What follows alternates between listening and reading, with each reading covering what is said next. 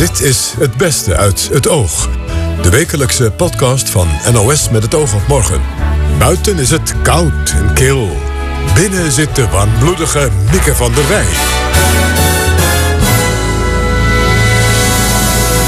Hallo, hier is weer een nieuwe aflevering van Het Beste uit het Oog. We hebben de mooiste gesprekken uit Met het Oog op Morgen van de afgelopen week weer verzameld. Ik sprak bijvoorbeeld met schrijver K. Schippers over zijn liefde voor Laurel en Hardy, over wie een nieuwe film is gemaakt. Ik zou wel durven zeggen dat in de film zijn ze goden en in, deze, in, in, in hun eigen, eigen werk. En in deze film worden het mensen, alsof goden mensen zijn geworden. En als papa een crimineel is, hoe ver valt de appel dan van de boom? Mijntje van Dijk deed daar onderzoek naar. Dat bijvoorbeeld zo'n ook gebruik maken van die reputatie om dan zelf weer delicten te plegen of bedreigingen te uiten. Als weet je wel wie ik ben of pas me of ik ga mijn vader bellen. Maar eerst, de missie in het Midden-Oosten tegen IS is voorbij. Vorige week kwamen de F-16's terug naar Nederland. Lucella Carrasso had luitenant-kolonel Ralf te gast. Hij was een van de deelnemers aan de missie. Vanwege zijn veiligheid noemen we alleen zijn voornaam. Waar krijg je mee te maken als je tegen IS vecht? Bijvoorbeeld een missie is uh, het ondersteunen van grondtroepen uh, in, nee, in het laatste was het dan vooral boven een, een, een deel van Syrië, uh, waar we dus ja, de grondtroepen moesten ondersteunen op zoek naar ISIS. Ja, dat is dan close air support, geloof ik, hè? Zo heet dat. Dus dan, ja, dat dan is helemaal juist. Ben je, ja. niet, ben je niet zelf aan het bombarderen, maar wat doe je dan om die grondtroepen te, te ondersteunen? ja, uiteindelijk is het begint bij morele ondersteuning. We hangen erboven. Dus een, een show of presence en een show of force. Als in, kijk, we zijn aanwezig. Als je nu jezelf laat zien, dan, um, dan zou het kunnen dat wij ook zien. En dat we in de aanval zouden kunnen gaan. Um, als er dus uh, contact is op de grond, zo noemen ze dat dan vaak. En strijdtroepen die, uh, die onderling aan het vechten zijn. Dus zij zijn aan het vechten met IS. Ja, dan kunnen ze dus... Um, uh, doelbepaling doen voor ons. Wij kunnen dat of soms zelf zien, uh, of we krijgen een coördinaat en zouden tot de aanval over kunnen gaan. En als u zegt soms konden we dat, dat zelf zien, dan was het van hé, hey, daar is een groepje mannen, neem ik aan, uh, vaak mannen. Dat, dat, dat moet dan IS zijn. Uh, ja, en dat wordt dan nog een paar keer geverifieerd met die personen op de grond. En ook soms met het hoofdkwartier, want die kijken soms met andere camerasystemen mee. En, want daar vliegen ook onbemande vliegtuigen met camera's. En zo wordt uiteindelijk ja, bepaald of iets IS is, ja dan nee. En waar herken, en als... je, waar herken je ze zo al aan? Uh, ik kan ze niet herkennen uh, als zodanig. En je weet uiteindelijk van waar uh, strijdgroepen zijn. Je weet waar onze eigen zijn en waar dus nee, in dat geval de tegenstander is, dus IS. En als ze zich strijdend opstellen, als in ze zijn aan het schieten, of vroeger reden ze met, met ISIS-vlaggen op hun auto's, dan wordt het relatief makkelijk om het te bepalen. 100% zeker. Ja, dat wordt door andere mensen over het algemeen besloten. En, en hoor je dan achteraf of je goed zat of niet? Hoe ga je dan uh, ja. kijken of je, die, of je IS inderdaad geraakt hebt? Uh, wij kijken sowieso wat het effect is van onze, van onze inzet. En ja, als, um, meestal hoor je alleen maar als het niet goed zou zijn geweest. En dan, dan komen de mensen aan de bel hangen om te zeggen dat het niet goed was. Dus in, in onze gevallen heb ik nooit gehoord dat het niet goed was. Uh, dus hebben we de juiste doelen aangevallen op het moment dat wij uh, met zo'n aanval bezig waren of, of in het ja, nagesprek daarna. En als het niet goed was, dan, dat betekent dan dat je bijvoorbeeld uh, burgerslachtoffers hebt gemaakt? Uh, in dat geval zou je burgerslachtoffers gemaakt kunnen hebben. Ja, uh, maar het ging dus om die strijdende partijen. Dus we hebben die strijders dan. En daar, daar, dat was het doel. Daar hebben we onze wapens op ingezet. Want he, de, de, er is regelmatig de suggestie dat ook Nederland burgerslachtoffers heeft gemaakt in de strijd tegen IS. Uh, maar daar, daar wordt niet vaak iets over bekendgemaakt. Wat, ja, waarom is dat? Ja, dat hebben we als coalitie. Is dat dan zo, zo besloten om, om het uh, wel te onderzoeken, op zoek te gaan naar uh, die dingen. Maar nog niet alles is bevestigd. Dus pas als het bevestigd is, dan zullen we verder gaan. En verder is het uit bescherming van uh, uh, onszelf of als defensie. En is het aan het OM om te onderzoeken of daar burgerslachtoffers zijn gemaakt, ja dan nee. En of de, er tot vervolging overgegaan zou moeten worden. Maar u zegt, u heeft dat in uw tijd in ieder geval niet aan de hand gehad, dat dat vermoeden er was. Nee, ik heb dat niet aan de hand gehad. Ja. En zoals u zei, uh, de laatste tijd was het vooral boven Syrië. Want daar was IS actiever dan, zoals in het begin, Irak uh, op het laatst. Uh, Nederland wilde natuurlijk een hele tijd Assad weg hebben, de president van Syrië. Ehm, dus dat zat politiek gezien niet goed, zullen we maar zo zeggen.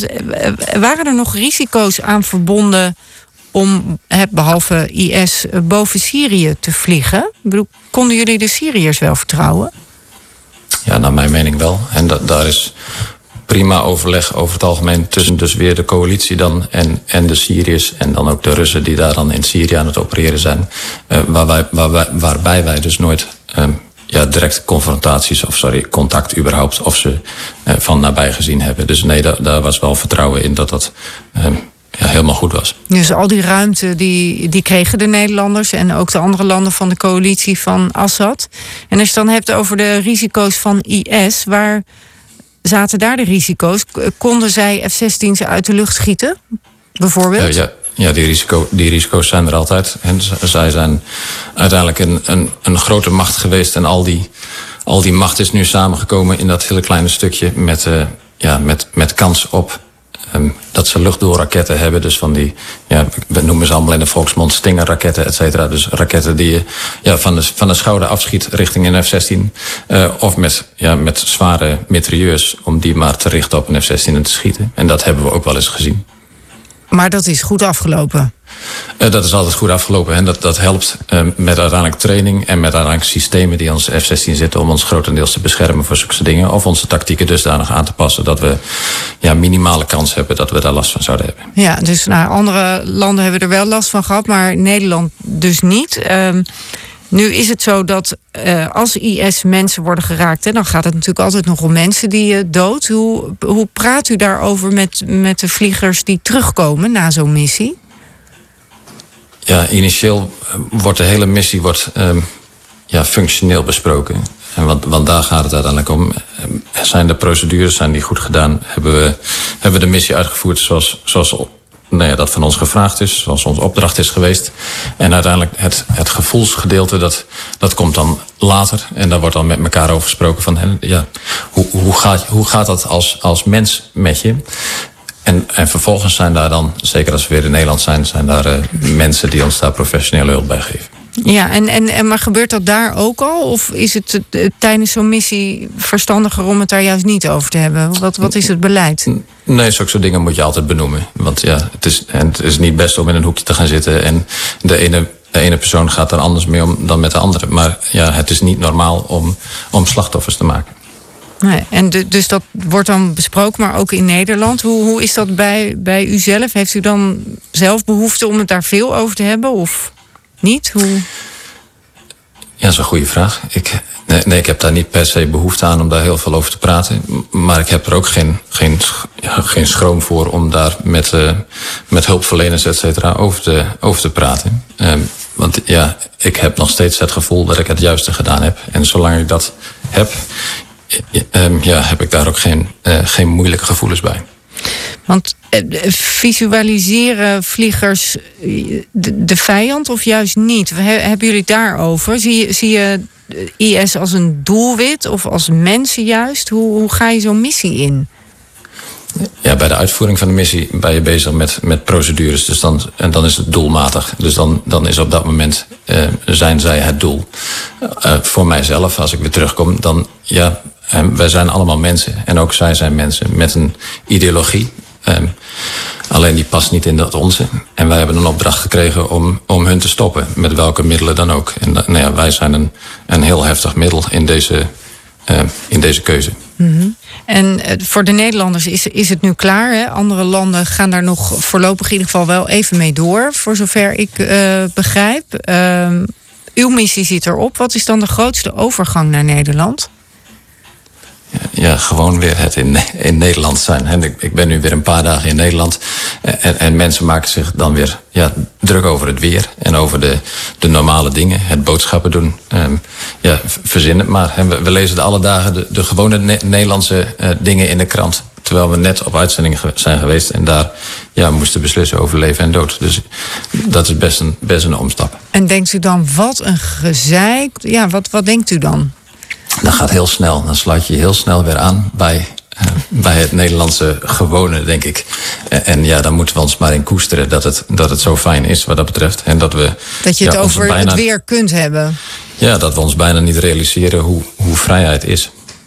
Ralf, hartelijk dank. Ik zei al aan het begin van dit interview uh, zonder achternaam uh, vanwege de veiligheid. Hartelijk dank voor dit interview over uw tijd in, in Jordanië. En dan gaan we het hebben over vaders en zonen.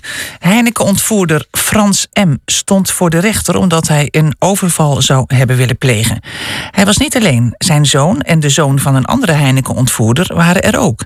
Onderzoeker Mijntje van Dijk vertelde Rob Trip dat bijna alle zonen van criminele vaders ook het slechte pad opgaan. 9 op de 10 zonen. Ja, dat is bijna allemaal. Ja, dat is bijna allemaal. Dat is echt ontzettend hoog. Het was wel maar op basis van um, 25 uh, ja, Amsterdamse beroepscriminelen heet dat dan. Dus echt de zware criminelen in Amsterdam.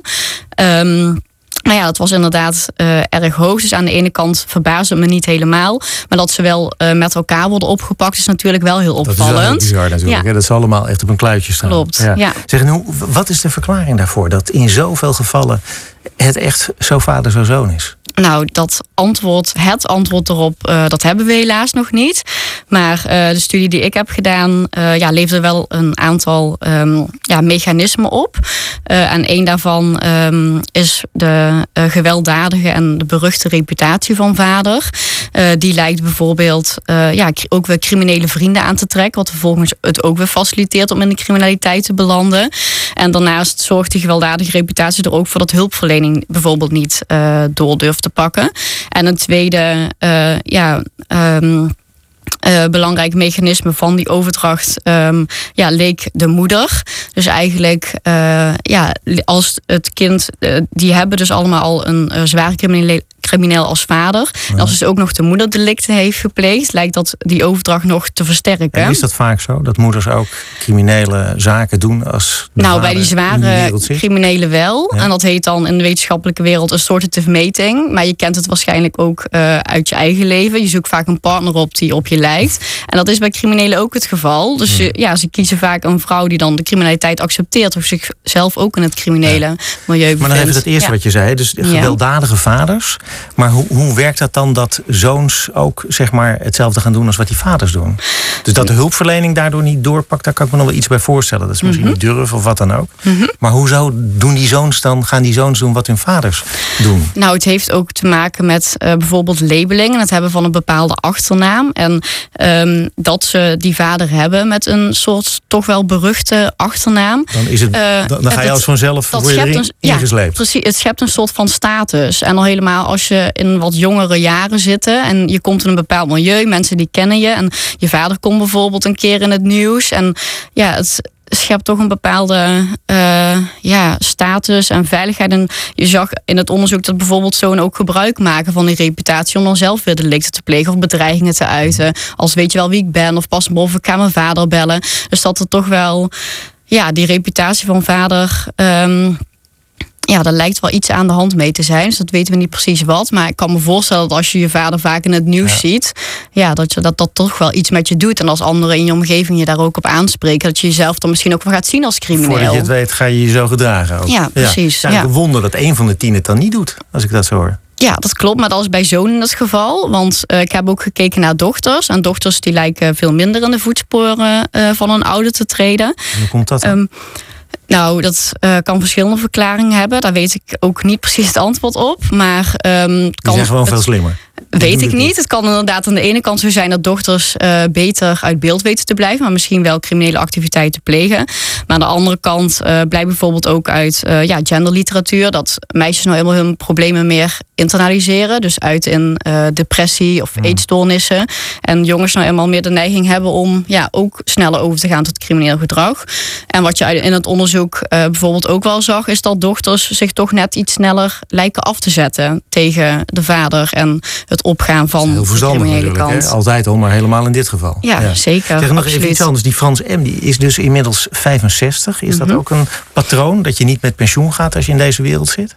Nou, dat lijkt er inderdaad wel op. Je gaat eigenlijk pas eruit als je wel doodgeschoten was. Geliquideerd, dat kwam ik uh, tegen het onderzoek. Maar um, inderdaad, dat die wordt opgepakt op 65-jarige leeftijd is wel opvallend. Vooral voor die zware criminaliteit. Uh, wordt ook uh, een onderzoek op basis van bijvoorbeeld georganiseerde, monitor georganiseerde misdaad gevonden. dat ja, deze plegers vaak pas op latere leeftijd in aanraking komen met politie. En ook eigenlijk inderdaad nooit stoppen. Daarom heet het ook bij eigenlijk in de volksmond van de politie soort van beroepscrimineel. Ze komen er uh, eigenlijk niet meer uit. nee. Uit. nee. Zeg, wat zou je moeten doen om, als het gaat over die kinderen en die vaders, wat, wat zou je moeten doen om de cirkel te doorbreken? Um, ja, waar moet je beginnen? Nou, um, eigenlijk omdat moeder dus zo'n belangrijke rol lijkt te hebben in het leven van de kinderen. Niet alleen uh, bij de overdracht, maar ook bij het voorkomen daarvan. We zagen dat uh, ja, moeder ook een belangrijke beschermende functie kan hebben wanneer zij dus geen delict heeft gepleegd en andere waarden en normen heeft dan vader. Um, en ja, wel over adequate opvoedingscapaciteiten lijkt te beschikken. Zou ik pleiten om vooral in te zetten op ondersteuning van die moeder. En um, ja, haar uh, bijvoorbeeld ook een veilige uh, uitweg te bieden om met zijn kinderen bij vader weg te gaan. Kun je je voorstellen dat je kinderen weghaalt uit dit soort gezinnen? Uh, ik kan het me wel voorstellen, ja. En bijvoorbeeld in uh, Italië is ook uh, een bepaalde aanpak uh, bij maffiafamilies in Calabrië. Waarin ze dus daadwerkelijk kinderen in maffiagezinnen uit huis halen. En in een ja, gastgezin plaatsen in een andere regio. Met het oog op kinderbescherming. Hè? Dat je zegt van ja, dit is zo slecht voor kinderen om in zo'n gezin op te groeien. Mm -hmm. ja. Maar zou je daarvoor zijn om het in Nederland te doen ook? Nou, ik ben daar niet zozeer voorstander van. Want nee? ik wel, vind wel dat kinderen gewoon bij hun eigen ouders op moeten groeien. Maar dat is een heel moeilijk debat. En uh, ja, we hebben daar helaas niet 1, 2, 3 uh, het antwoord op. Nee. U zit volop in dat onderzoek nog. Mm -hmm. um, wat, wat gaat u nog meer doen? Want u heeft dus al een aantal van die beroepscriminelen bekeken. En hoe dat gaat in die gezinnen. Moet u nog heel veel doen? Of nou, ik ben inderdaad bezig met vervolgonderzoek. Want dit was eigenlijk een vrij kleine steekproef. En dan ook criminelen in Amsterdam en hun kinderen. En in het vervolgonderzoek kijken we echt naar een nationale sample van ongeveer 500 plegers van georganiseerde misdaad en hun kinderen. Is dat moeilijk of, om die te vinden trouwens, of niet? Uh, nou, het is een samengestelde dataset in behulp, met behulp van partners. Dus ja, het, dat klinkt uh, alsof het makkelijk is. Nou, het was wel even werk, ja. ja? en, ja, dus, er, zijn er zoveel dat het niet veel moeite kost om daar onderzoek onder uh, op te starten. Nou, dat valt wel mee. Maar Um, en we kijken dus eigenlijk in hoe die overdracht, de mate van overdracht nou op nationaal niveau is. Ja. Dus door heel Nederland. En we willen ook verdiepend onderzoek doen naar bijvoorbeeld die rol van die moeder. Hoe die er nou uitziet. En ook wat nou eventueel beschermend kan werken. Ja, en allemaal om inzicht te krijgen natuurlijk hoe het werkt. En uiteindelijk te kijken van hoe je dat vreselijke patroon kunt doorbreken. Absoluut, ja. Is dat ver weg, denk je? Nee. Hmm, nou, ik hoop uh, met drie jaar vervolgonderzoek dat we een heel eind komen. Oké, goed. Dankjewel. Er komt dit jaar een klimaatakkoord dat ervoor moet zorgen dat in Nederland de CO2-uitstoot drastisch omlaag gaat. Shell speelt daar een belangrijke rol in. Rob Trip, ook weer Rob Trip, had een leuke uitzending deze week. Sprak erover met Marjan van Loon, president-directeur van Shell Nederland. En hij vroeg haar of het ook in haar persoonlijke leven een rol speelt. Ja, ik denk dat uh, iedereen als, als burger wel aan het denken is gezet. En uh, je neemt stappen. Hè. Jaren geleden beginnen met zonnepanelen op je dak. En dan raak je echt geïnteresseerd. Waar gaat toch al die energie naartoe? En dan begin je dat eens te verkennen. Dus dat is leuk.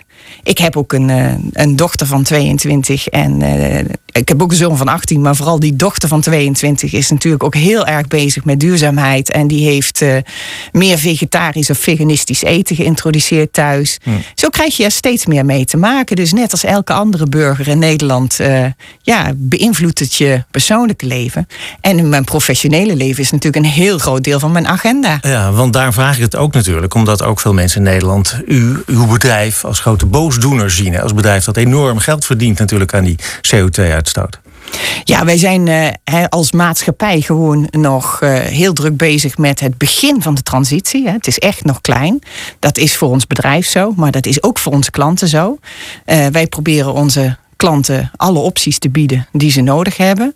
En denk bijvoorbeeld aan tankstations. Hè, daar hadden we het net over. 98% van de auto's, de personenauto's, rijden nog zonder stekker.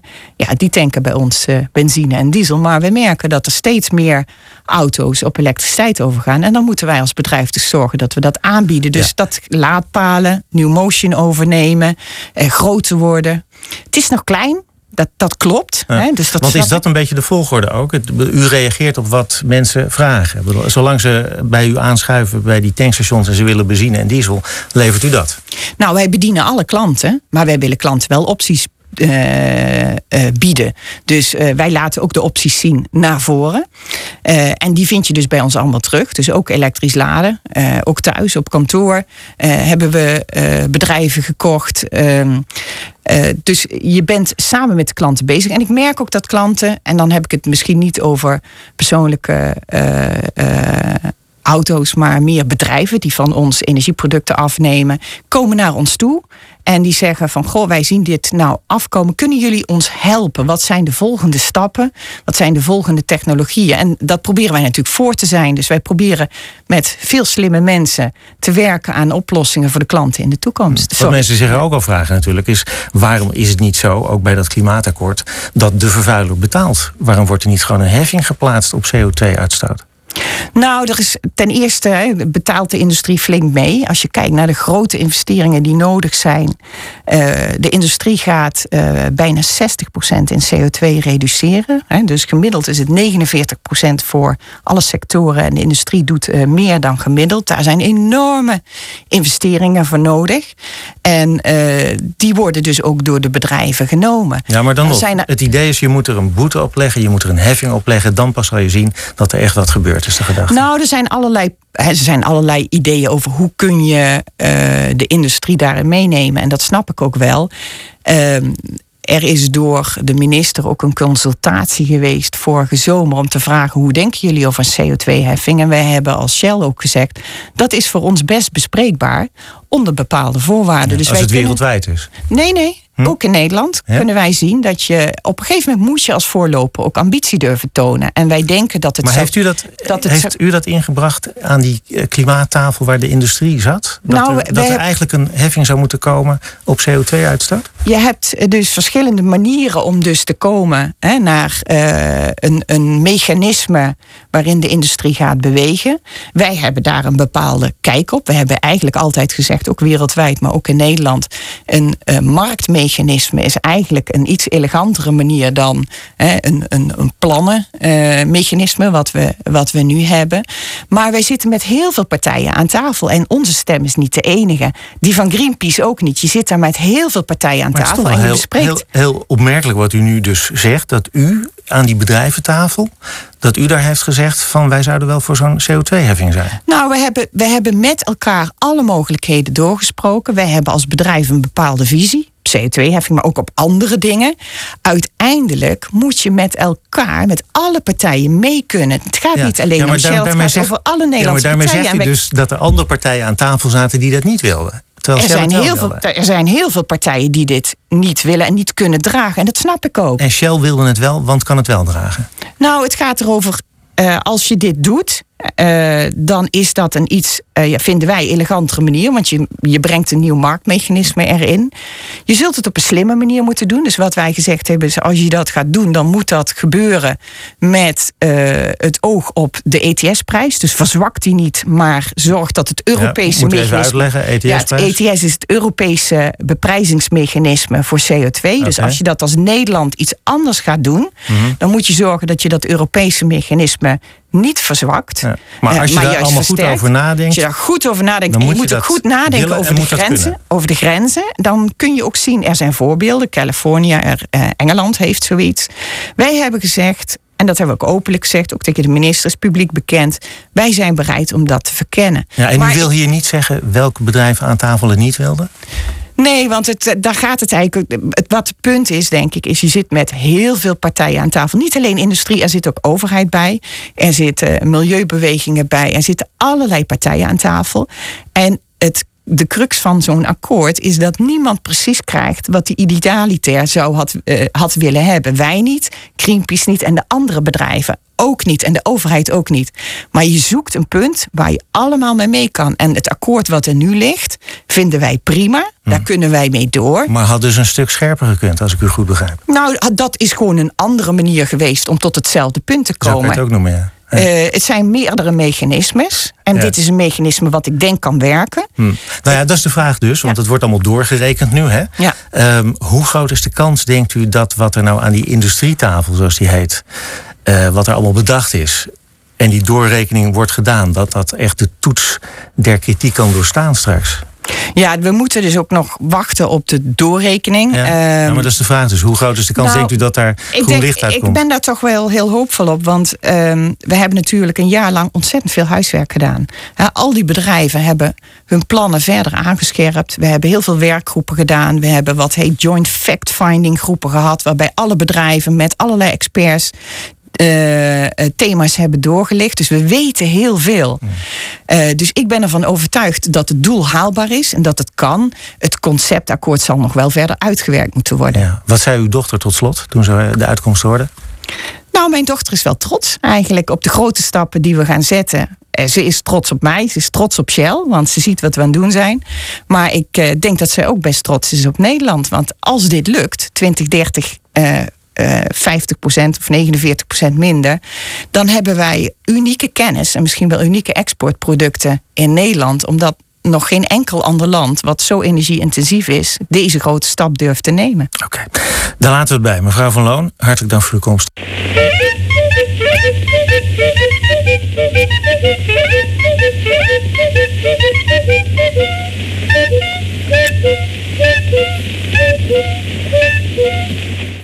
Deze muziek herkent u natuurlijk meteen. Laurel en Hardy, oftewel de dikke en de dunne.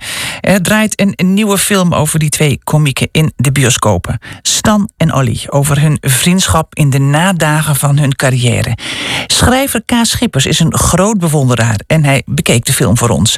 Als eerste vroeg ik hem wat hij ervan vond.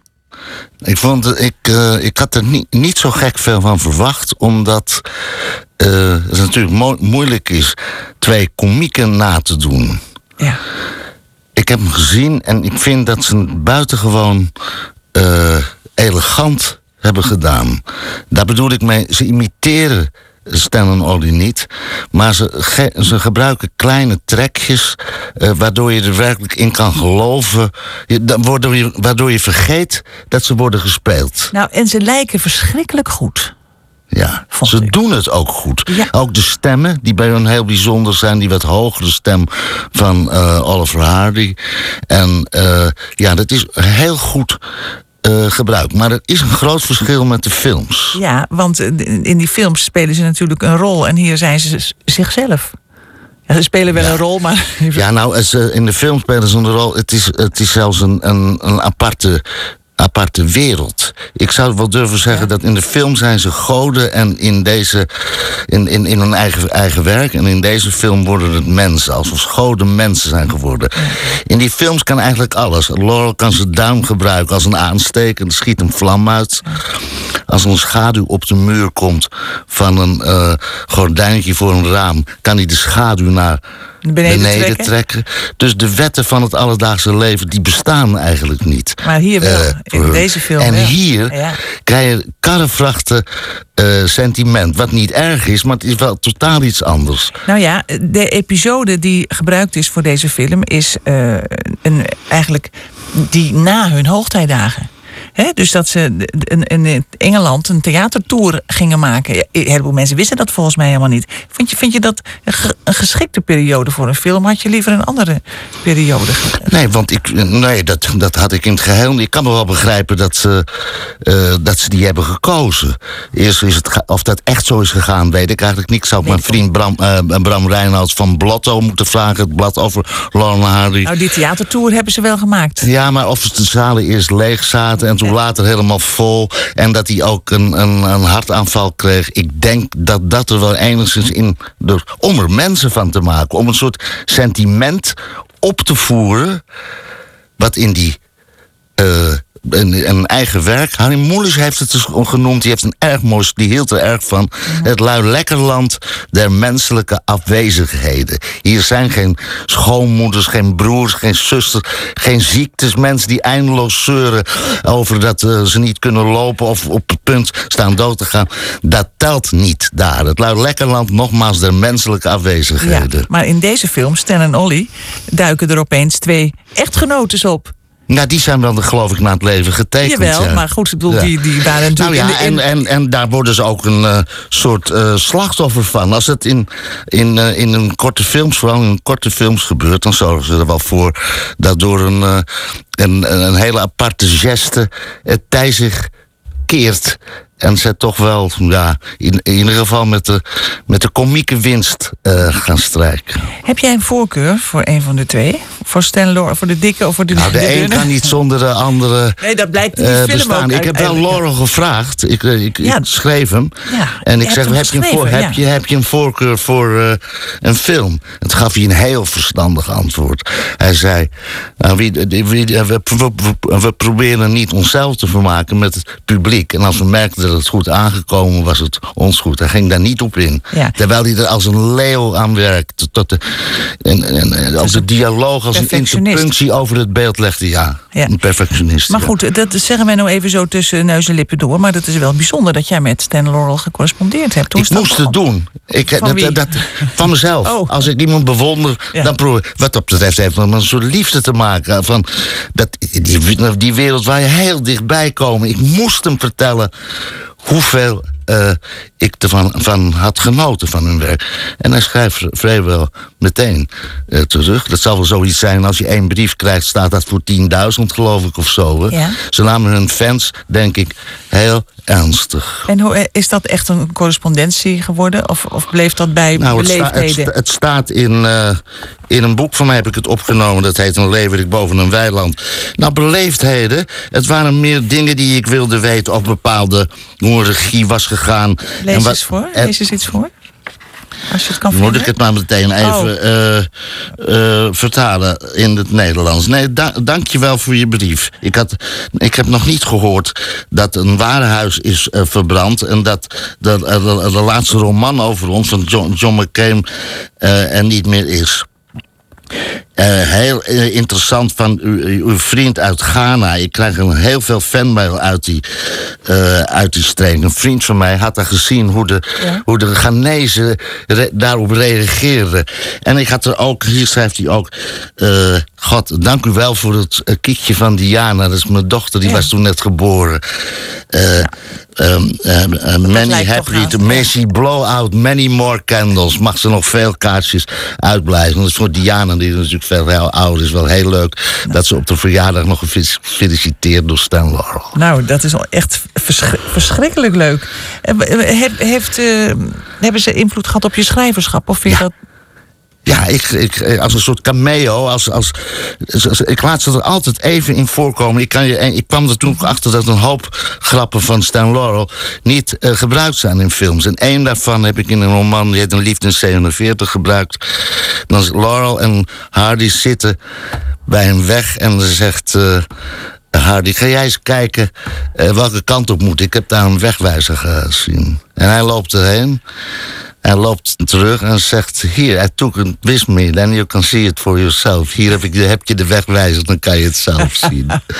ja, dat zijn wel, waardoor, waardoor je ieder gevoel voor richting kwijtraakt en het nieuw is. En dat zijn, eh, ja, Dat zijn dingen die ik altijd zoek. precies, dat soort thema's. Ja, en Ja. nou ja, dat soort, dat, Nou soort ja, onregelmatigheden ja, die, die net eh, de boel anders maken. Ja, die film eh, Stan en Ollie draait op dit moment in de bioscopen. Ik heb hem gezien en het is echt een aanrader. Nou, dat was me weer, de Week Podcast. Hopelijk tot volgende week. Dag.